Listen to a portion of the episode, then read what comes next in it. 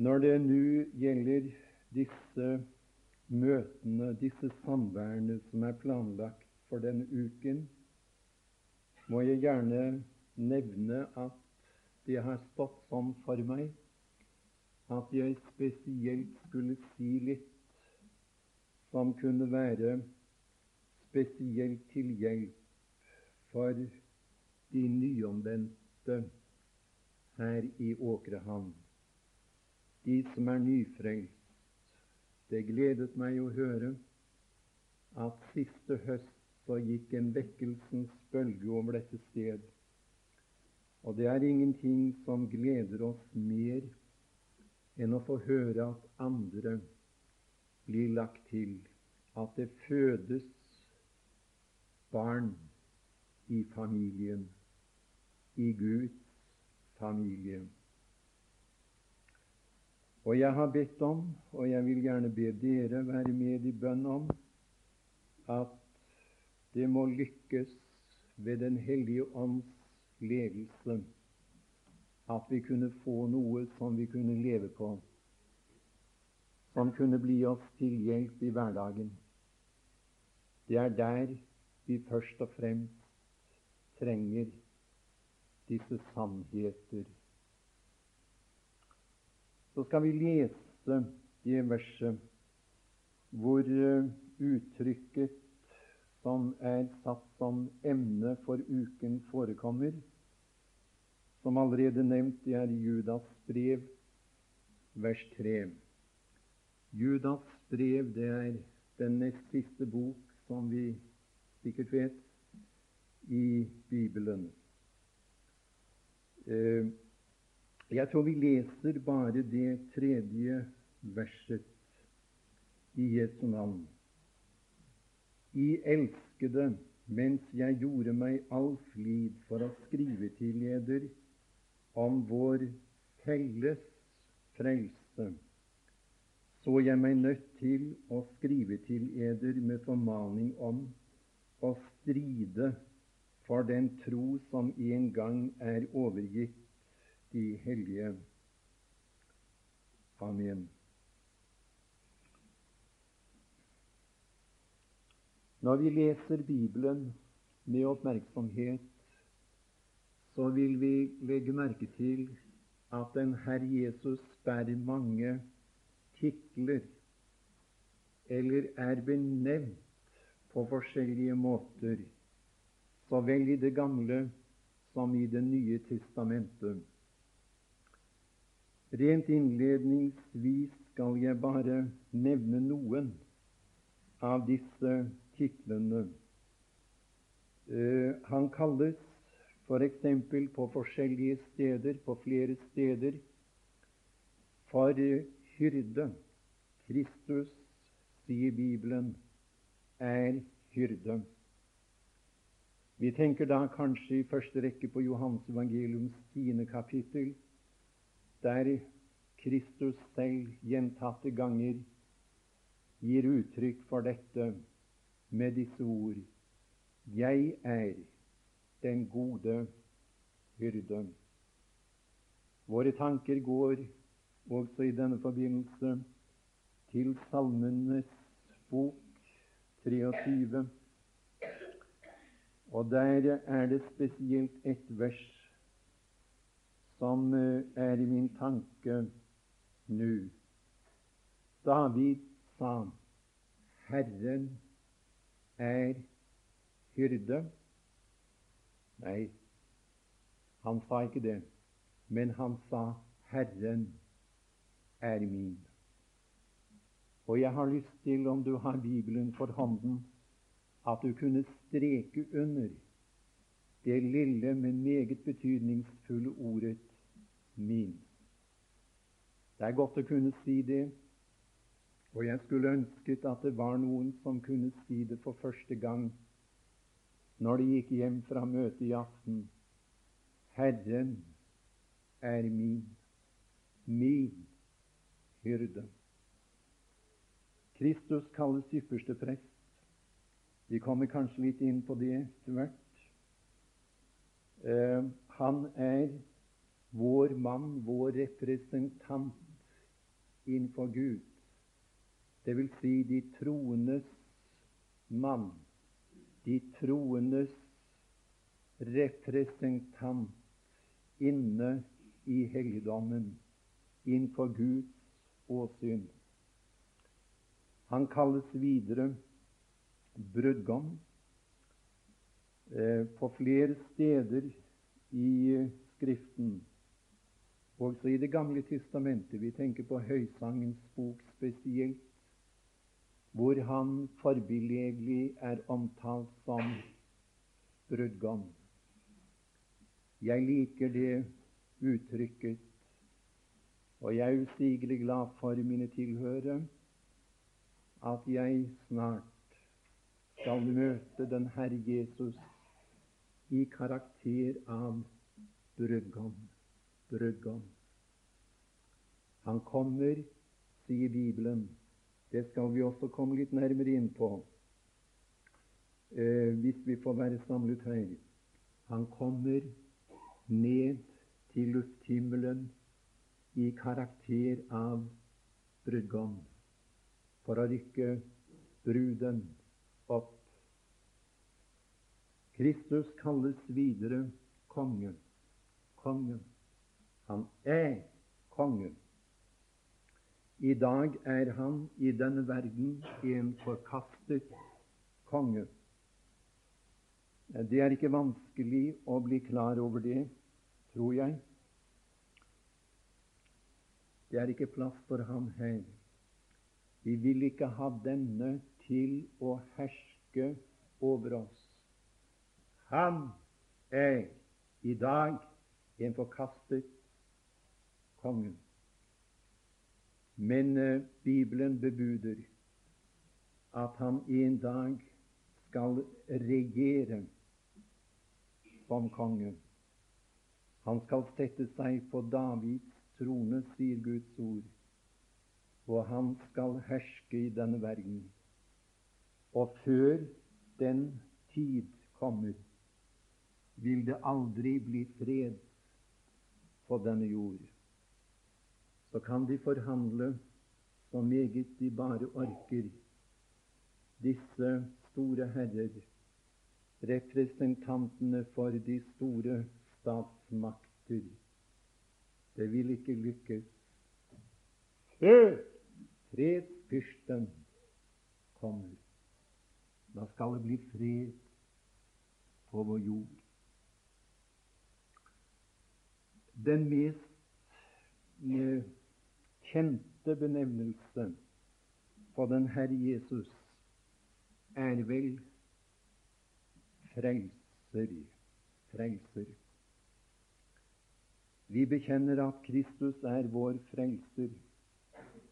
Og det betyr jo at han har frelst oss, at han har tilveiebrakt en frelse for oss.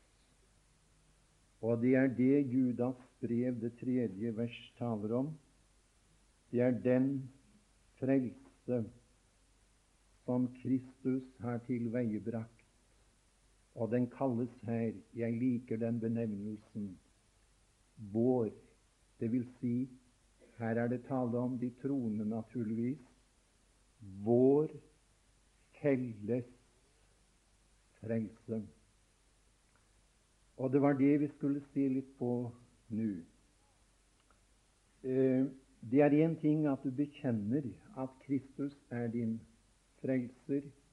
Det er i grunnen noe ganske annet hvorvidt du ser inn i og erkjenner hva det betyr at han er din frelser.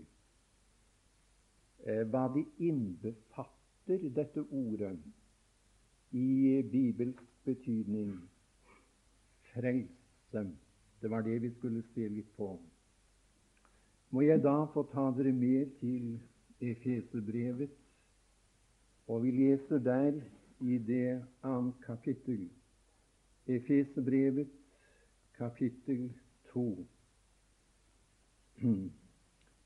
Jeg har sett det som min oppgave å peke på hva som står skrevet. Vi har så lett for å se forbi enkelte uttrykk i Bibelen. Og det kommer vel av at vi leser noe for hurtig. Men i Efesbrevets annet kapittel og vers 8, der har jeg streket under et lite ord. Det består bare av to bokstaver. Nå skal jeg prøve å betone det når jeg leser dette verset. For av nåde Ja, hva står det? Ikke skal dere bli, ikke er dere på vei til å oppnå, men av nåde er, er i frelst ved tro, og det ikke av eder selv, det er Guds gave.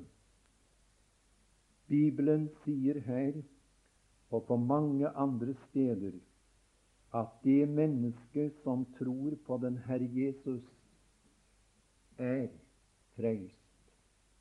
Kan du ikke sette en tydelig strek under det lille ordet? Kan du ikke ta det med deg fra i aften av? Kan du ikke ha det i ditt sinn, i din tanke? Og jeg tror du skal glede deg. Jeg tror det skal gi deg visshet. Det skal fylle deg med fred og glede. For ham nåde er er i frelst. Det er noe som er skjedd for den som tror på Kristus. Det er godt å ha den visshet i livet. Og hvis du ikke er en trone, så kan du få den vissheten her og nå, mens du sitter og lytter. Jeg har opplevet Jeg tenkte på det. Jeg har opplevet at jeg har stått og sitert Guds ord ganske enkelt og nøkternt. Og så har det vært en eller annen som har sagt, som har ropt ut jeg ser dem. Det er for meg. Så gikk det hjem rettferdiggjort til sitt hus. Er frelst. Det er hva Bibelen sier om den som tror på Kristus. I hvilken betydning er vi frelst? Jo, vi skal lese igjen og da tar vi først med fra Efesebrevet i det første kapittel, og der i det syvende vers. Der er det også et lite ord som jeg vil henlede din oppmerksomhet på. Eh, altså Efesebrevet kapittel 1 vers 7. Vi tar med de siste ordene i vers 6 i den elskede, dvs. Si i Kristus, i hvem vi har har Å, jeg er glad i disse små, men betydningsfulle uttrykkene som jeg finner i Bibelen. Er det var det første. Og her har du et annet som jeg vil be deg huske har. Vi hørte til en begynnelse. Han har velsignet oss med all åndelig velsignelse i Kristus. Og en av disse velsignelser er nevnt her i det syvende vers. I den vi har har forløsningen ved hans blod, syndenes forlatelse etter Hans nådes rikdom. Det er noe vi har. Jeg er kommet i besittelse av det. Det er ikke noe jeg ser frem til at jeg en dag skal få.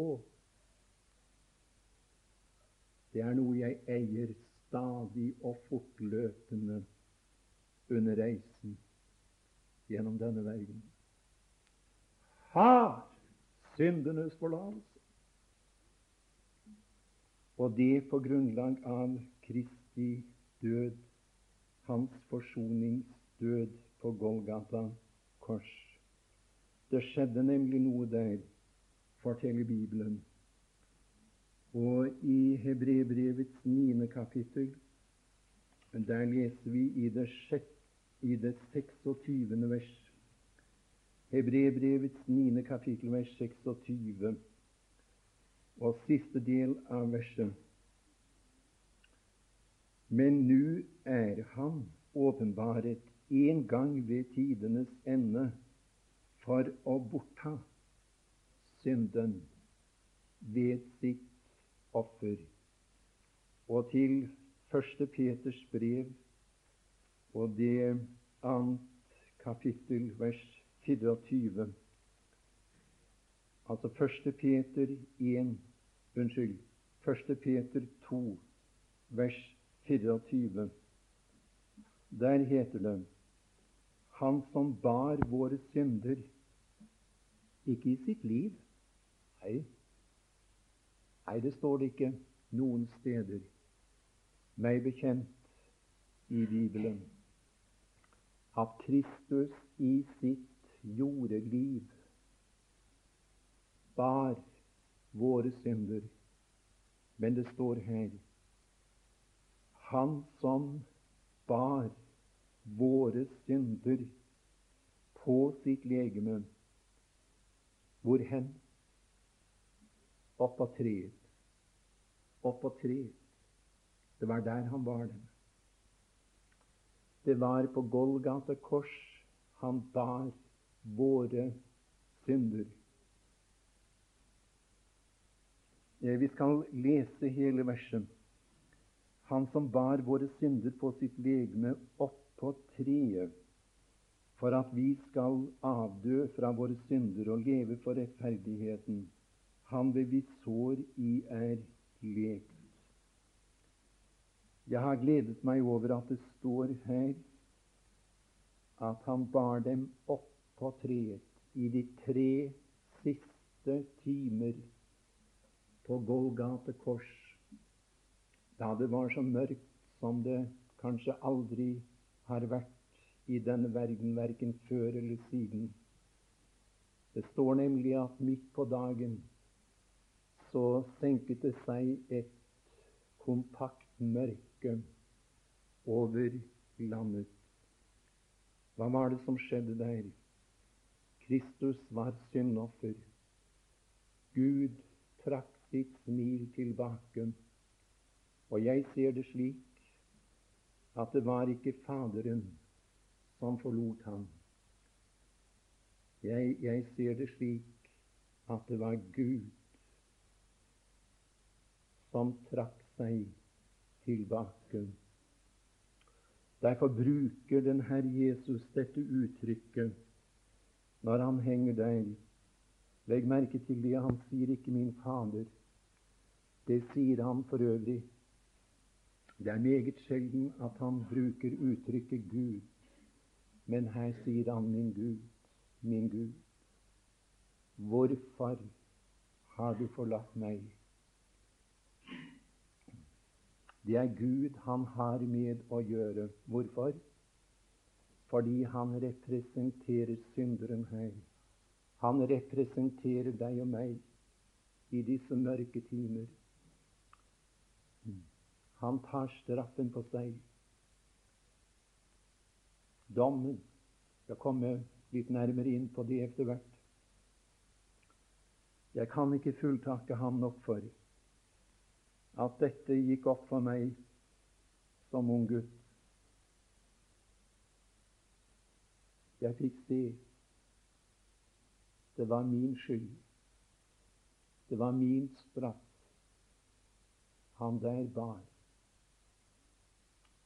i disse tre timer og hør nå fordi han var ikke bare menneske, men Gud, sann Gud.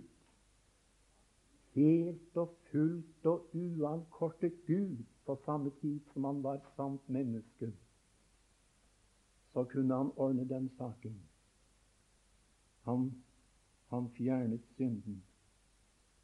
Han tok den bort. Han er åpenbaret en gang ved tidenes ende for å bortta, leser vi, bortta, fjerne, skaffe av veie synden. Det kan være at du har hatt problemer når det gjelder dette, som ung troende, som nyomvendt. Jeg hadde i hvert fall det. Og jeg skulle ønsket at jeg kunne få være deg til noen hjelp her. Eh, du sier 'jeg begriper ikke dette at synden er fjernet, at synden er tatt bort', for jeg føler på stadig og daglig at det er så mye urent og stygt som bor her inne. Det vil, jeg, det vil jeg også etter hvert komme nærmere inn på. Men eh, jeg tror også at du har erfaret at det som bor i deg av synd, det har kommet frem i handling. Du har forgått deg, snublet, falt, Og hvem av oss har ikke ligget på våre kne i enram og sagt til Herren Nå har jeg falt igjen. Nå har jeg snublet igjen. Du vet, Herre, at jeg ønsker å leve livet for deg, ikke desto mindre jeg taler ikke om fremtidig synd, for Bibelen taler ikke om det når det gjelder en krone. Men jeg taler om det som har skjedd. Jeg taler om det som har skjedd. Og da tror jeg, når vi ser tilbake, så må vi erkjenne det har mange ganger skjedd i vårt liv. Nettopp dette. Synden i oss kom frem i handling hvordan er så dette å forstå? Ja, jeg tror ikke jeg kan si det på noen klarere, tydeligere måte enn eh, som følgende eh, Kristus har ikke fjernet synden fra oss som individer. Men hør nå Han har fjernet synden en gang for alle fra Guds åsyn. Tatt den vekk fra Guds øyne. Det er stadig klar, åpen himmel over meg. Gud ser tilfreds ned på meg.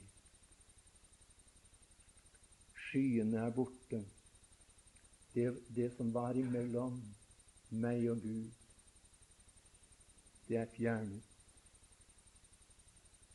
Ja, ser du det? Lever du i det? Er du deg det bevisst til enhver tid? Dine synder er borte.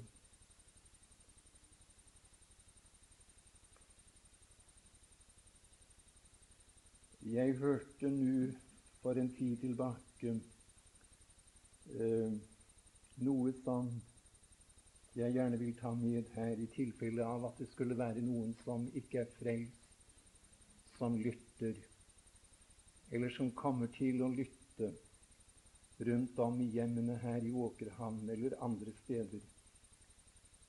Eh, det ligger meg nær å tro at det er lettere å lytte til en kassettspiller, noe som er opptatt i et møte, enn å gå til et forsamlingslokale for å høre Guds ord i dag. Jo, det var en, en mann som besøkte et av våre bibelstevner eh, flittig gjennom mange år.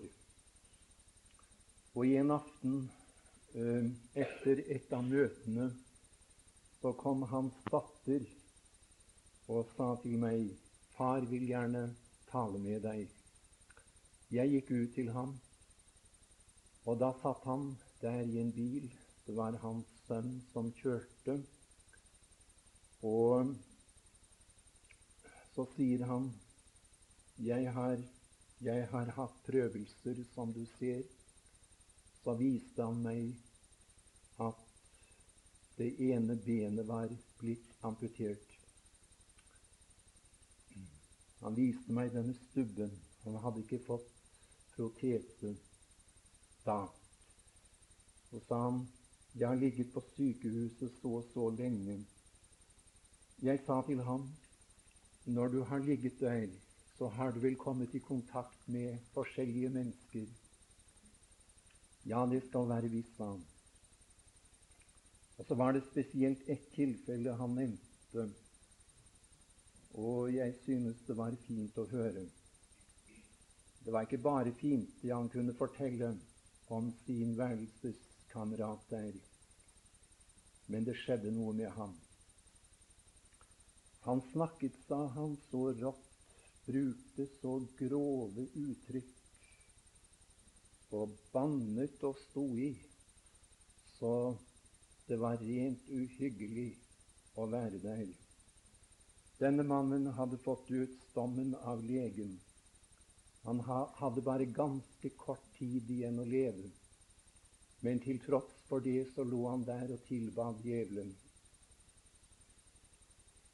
Jeg prøvde å tale med ham, men han, han ville overhodet ikke ha noe med Gud å gjøre. Ikke høre Guds navn nevnt. Men så var det en aften, eller det var en ettermiddag Jeg lå og leste i Bibelen, sa han.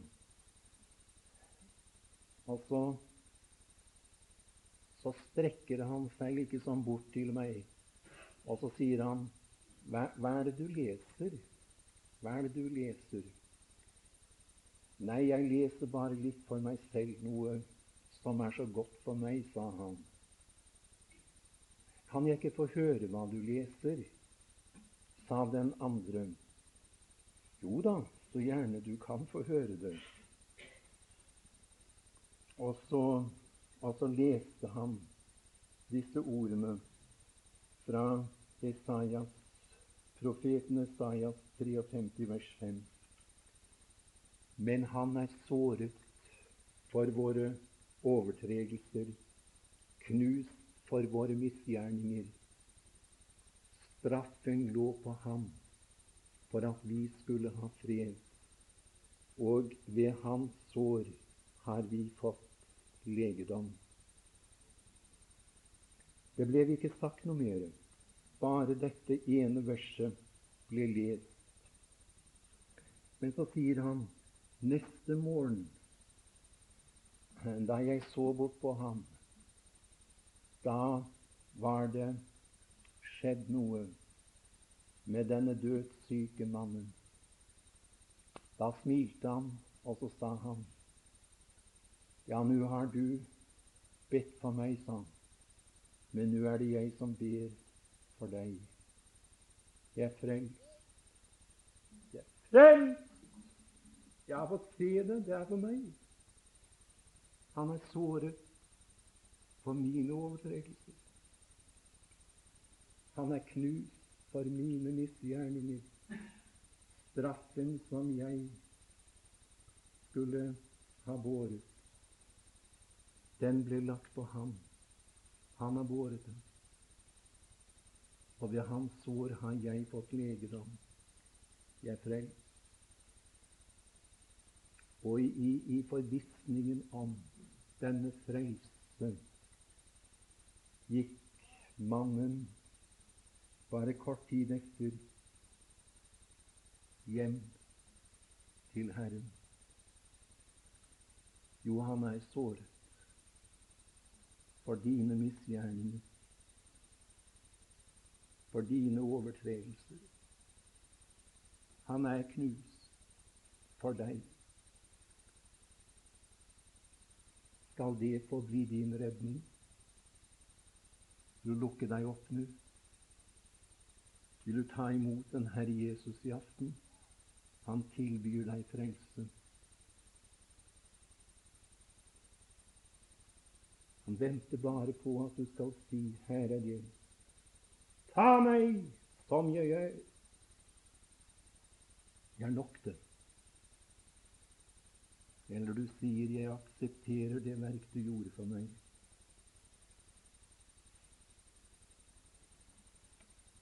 Det å være frelst betyr at vår dommedag ligger bak oss. Ligger bak oss.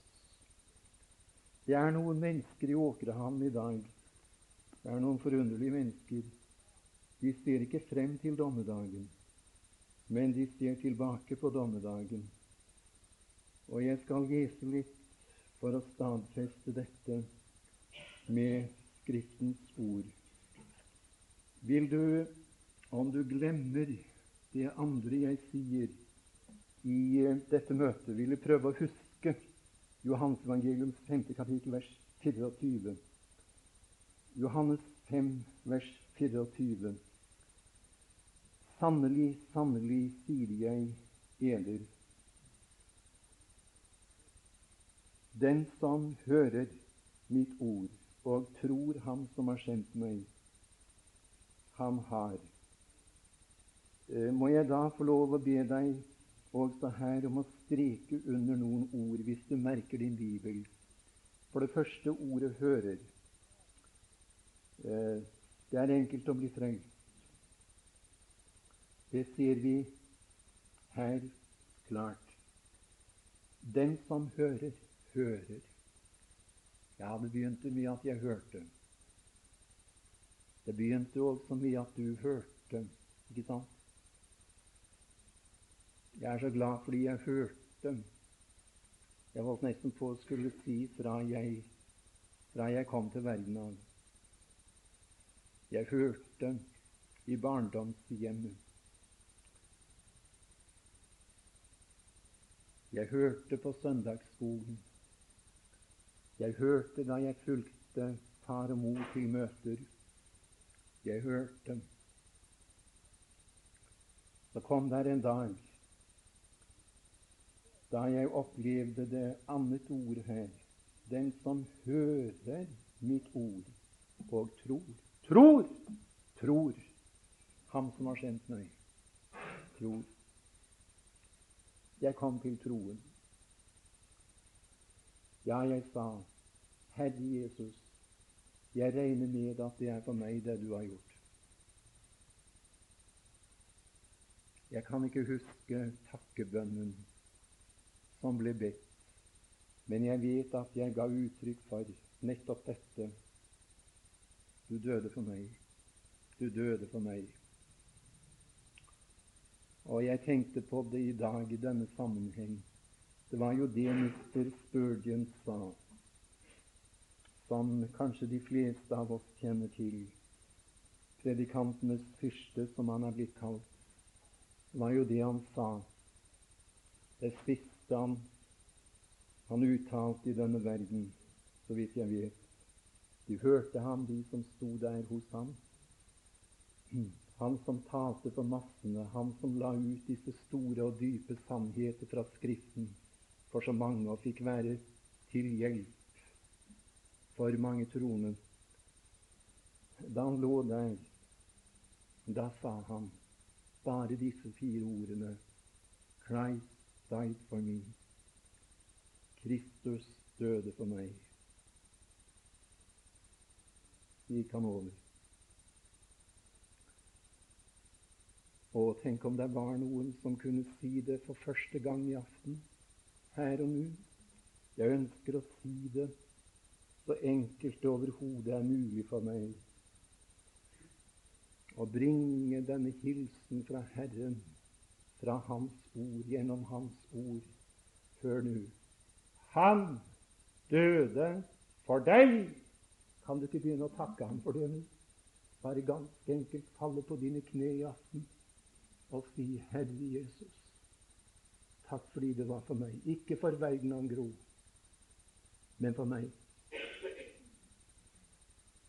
begynner med død. Det begynner ved Golgata. Hører. Tror. Så er det det neste ordet. Skal vi se på det? Sannelig, sannelig, sier jeg, det er den som hører mitt ord og tror Han som har sendt meg, han har. Har! Legg merke til det ordet her også. Har. Har Hva har han? Han har evig liv. Evig liv.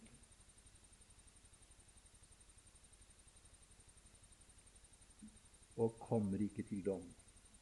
Nei, det må du streke under. Det må du merke deg. Noter deg det. Jeg vet at det manipuleres her. Jeg har hørt det. Jeg har lest det. Det er så på død og liv om å gjøre å få de troende, de frelste, for dommen en dag. Ja da, det har jeg sett. Og det har jeg hørt, som sagt. Men uh, jeg velger å tro hva Johans evangelium 5. kapittel, vers 24 med flere steder så uttrykkelig sier kommer ikke til dom. Kommer ikke til dom! Nei, jeg ser ikke frem til en dag da det skal avgjøres, da jeg skal få vite utfallet om det blir å tilbringe evigheten i himmelen sammen med, med Gud og den Herre Jesus og alle de som blir frelst. Nei da. Den saken er avgjort. Den saken er avgjort. Jeg vender meg tilbake i aften, mine tilhørere jeg ser tilbake 2000 år i historien og konstaterer ut fra Guds ord Jeg liker så godt å si det med sangerens ord. Da dommen falt, du ordnet alt. Det er ikke noe mer å ordne i den saken der. Det er ordnet en gang for alle. Jeg var der. Jeg sto der på skranken i dommerens egen sønn da dommen falt. Du ordner alt. Ta med deg det. I den betydning er du frelst. Men hvorfor kom jeg ikke til dommen? Hvorfor kom jeg ikke til dommen? Ja, jeg har allerede prøvd å peke på det, men la meg stadfeste det.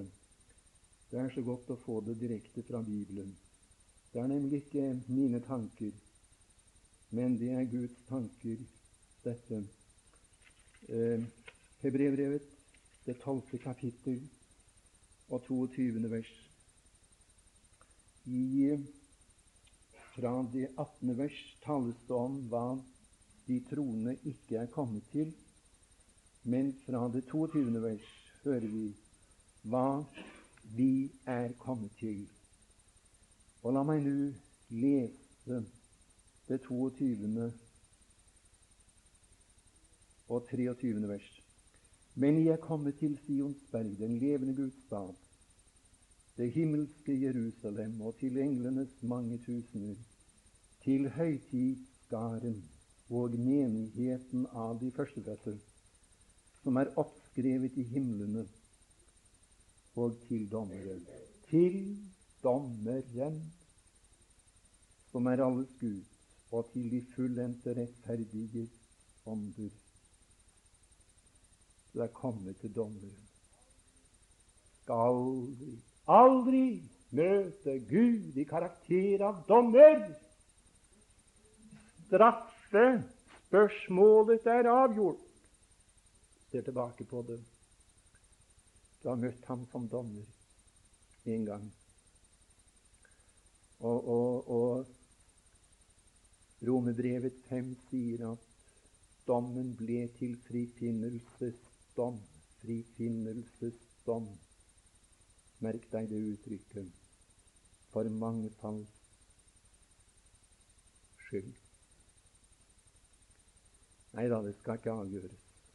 Det er avgjort. Vår Gud og Fader i Kristus Jesus.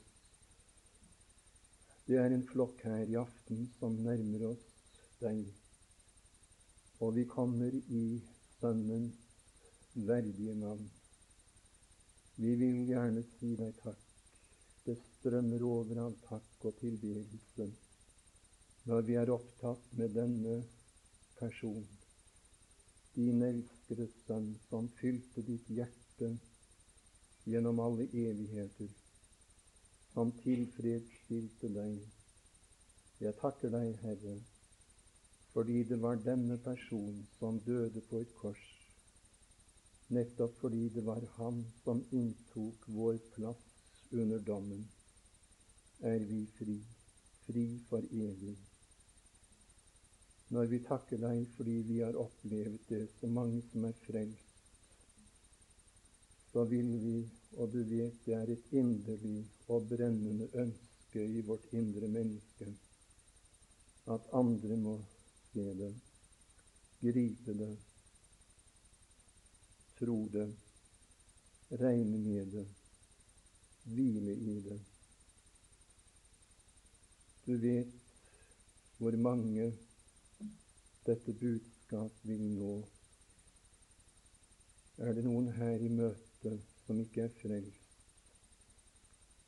må de kjenne seg draget til deg her og nå.